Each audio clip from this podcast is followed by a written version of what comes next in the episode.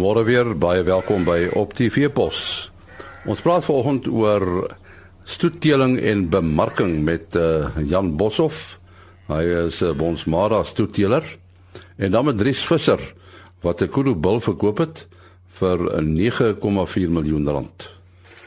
Ons uh, gesels met uh, Jan Boshoff van die Jan Reta Bonsmara stoet en ons gaan met hom gesels oor uh, oor stoetteling en bemarking. Nou uh, uh Jan, uh hoe lank is julle al betrokke by stoetteling en bemarking? Hierdie ons het eintlik al in in die vroeg 70's het my broer aanvanklik begin met die bosbare stoetery en toe ek en my vrou in 94 self uh toe ons die boerdery verdeel het uh het, het ons twee met ons stoetery begin. So die kudde kom nou al um, al baie jare. En ehm um, ja, dis 'n langtermynprojek. Ek dink nie ou moet dink jy gaan vinnig ehm um, uh opgang maak nie. Dit dit dit dit vat tyd. Ehm um, en genetika wat 'n ou versamel uit uh verskillende oorde uit. Ehm um, dit is 'n lang projek. Ehm uh, maar goed, dit is 'n uitdaging. Hoe hoekom sou 'n mens uh, die die stoetteel opsie kies teenoor kommersieel? Kommersieel dink ek uh, dit gaan seker oor die oor die grootte van uh, ou se plaas aan die een kant. Ehm uh, dit gaan oor om om om uh, groter waarde daaraan uh, toe te voeg. Ehm uh, uh, as jy groter uh, om meer intensief te wees. En dan aan die ander kant is om om werklik waar uh uh kan meet in 'n diere prestasie uh is uh, is net 'n bietjie meer administrasie dan doen jy in elk geval uh die die stoetdeel gedeelte by. Om elke diere prestasie te meet is waar jy die vordering maak so om nou net kommersieel te, uh, te doen dan moet jy die om dit om dit reg te doen, moet jy elke dier se prestasie meet. Of jy kommersieel is of jy stoeteling doen, ehm uh, bly dieselfde. Jy moet 'n dier se prestasie meet. So by stoeteling kom dan eintlik net die administrasie deel uh by so uh, dan daar om werklik waar dan behoorlik te kan 'n bees se prestasie meet is nie so groot verskil om stoeteling by te doen.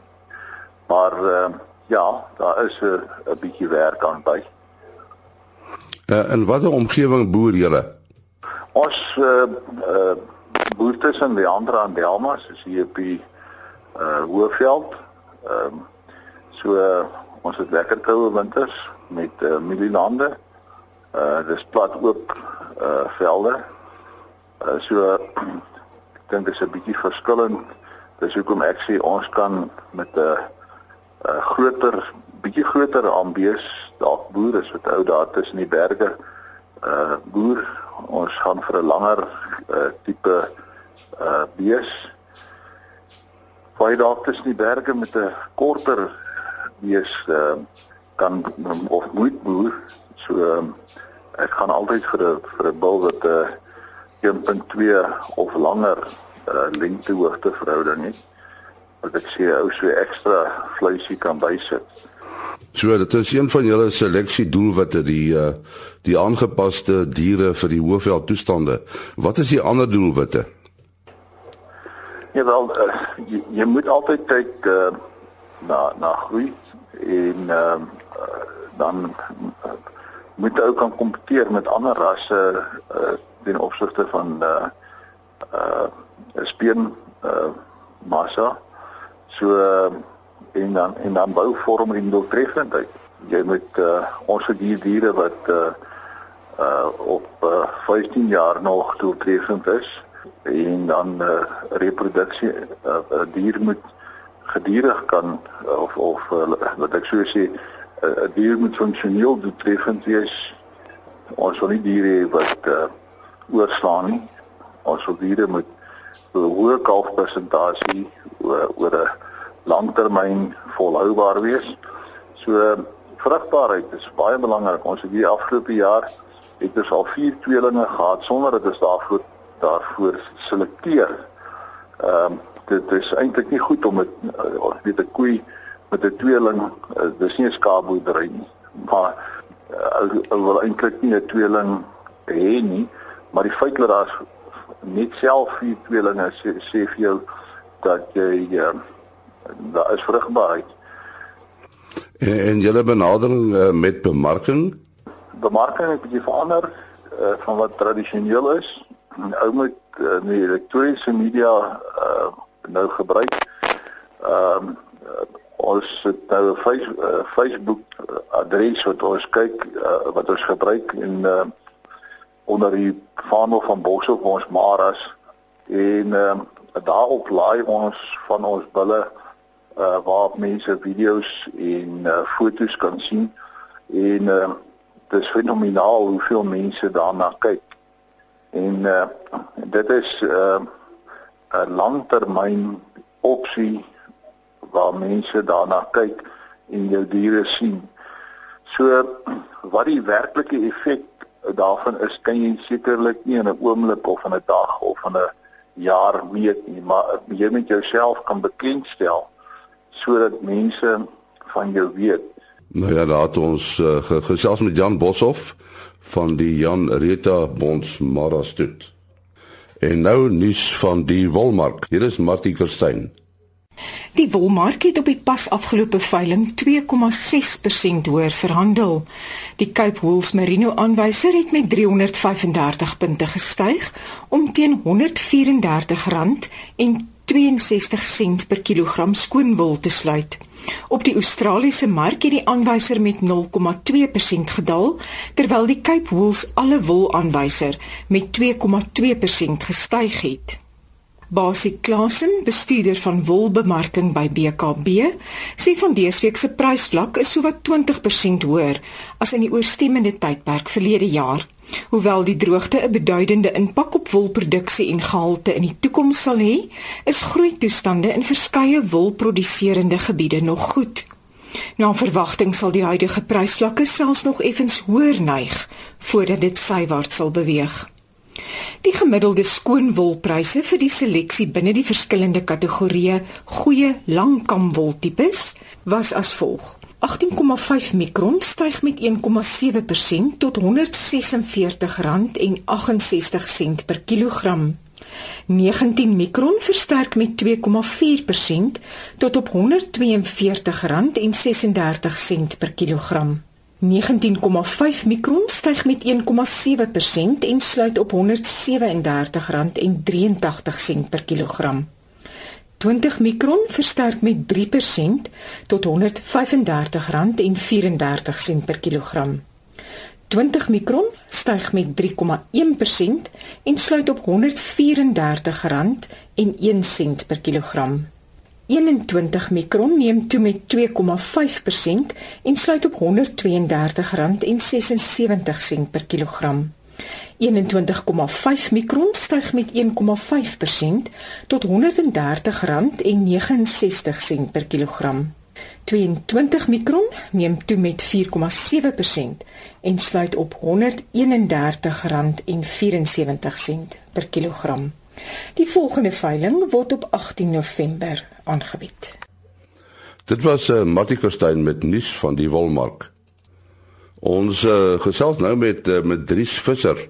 Nou Dries is 'n wildteeler en hy is ook die eienaar van uh, van 'n kudu bull Hercules wat wat onlangs 9,4 miljoen rand uh, op beveiling behaal het. Het jy spesifiek geteel vir 'n uh, bull van hierdie gehalte Dries? Nee, nee, ek het hierdie bull uh, uh, aanvanklik gekoop vir Amerikaanse jagter om te jag. Maar uh, ek kon hom nie uh, jag kry nie, was 'n boogjagter en ek het veel programme al met koers gehad op daai stadium en toe ek hom nou aangebring in die teelery. So so jy, jy het 'n teelprogram vir koers. Uh, ja, ek is al jare besig met teelprogramme op koers want jy weet ek het maar een van daai wat uh, geglo het in 'n koers, uh, dit is feitelik almal se nommer 1 bo in hulle prioriteitslys as hulle kom jag en die goed uh, was maar skaars. Uh, kwaliteit was uitgejag en Jy weet dit is maar al jare gereken as 'n biltongdier. So daar was nooit gou werklik groot waarde aan hom geheg. So so so wanneer kyk uh, mense as hulle vir vir 'n kudu jag, dis nou vir trofee, né? Seker die horings uiteindelik. Ag ja, jy weet uh, die trofee jagters is maar hoofsaaklik horings, veral Amerikaners wat ons grootste mark is. Uh kyk maar na die horing kwaliteit. So, dit is so ons wil maar die grootste horings uh probeer teel en dan sê ek nie daarby dit gaan net oor horings nie, dit gaan na die diere liggaamsbou ook natuurlik, né? Nou hierdie uh, kudu teelprojek, is jy alleen daarbey betrokke of is daar ander manne ook betrokke? Nee nee, daar's nou heelwat mense wat uh, met die dinge begin, maar ek was aanvanklik uh, maar alleen betrokke by my projek.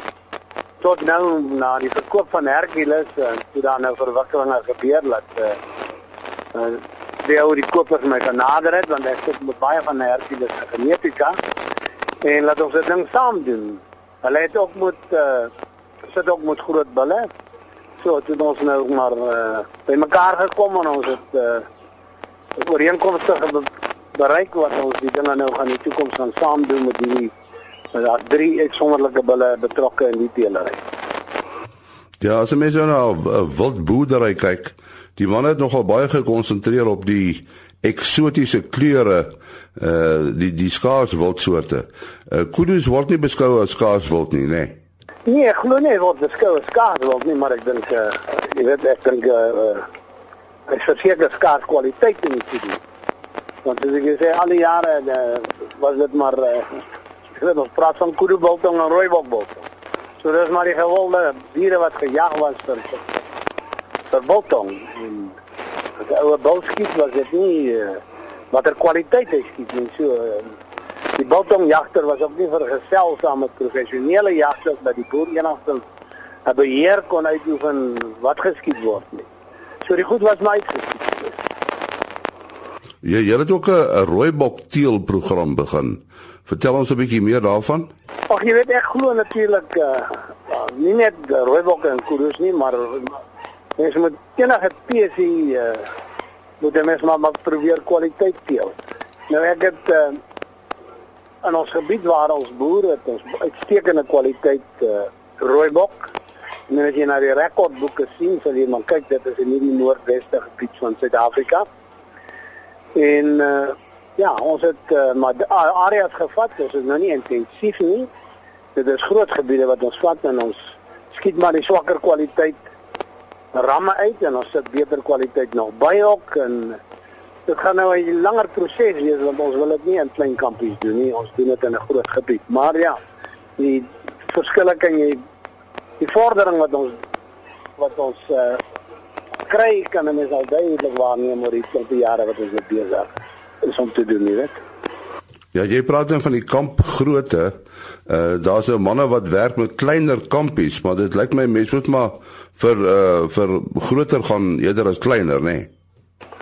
Ag nee, nee, wat is uh ek het met my ander skaars spesies het ek ook kleiner kampe, maar die kudus en die en die en die rooibokke het ons in groter gebiede. Alhoewel Hercules was in 'n klein kampgebied, maar uh, ons het ek het nie net Hercules uh veel projekte aan die gang gehad nie. Ek het ander projekte ook wat in groter dele is wat uh, As jy praat van groter dele dan is dit so 1000 hektaar, 800 hektaar in sulke gebiede. Nou ja, ons sê baie dankie aan Dries Visser. Hy's 'n wildteeler en uh, hy het hierdie Koedebul Hercules verkoop vir 9,4 miljoen rand. Tot môreoggend, alles van die beste. Ah.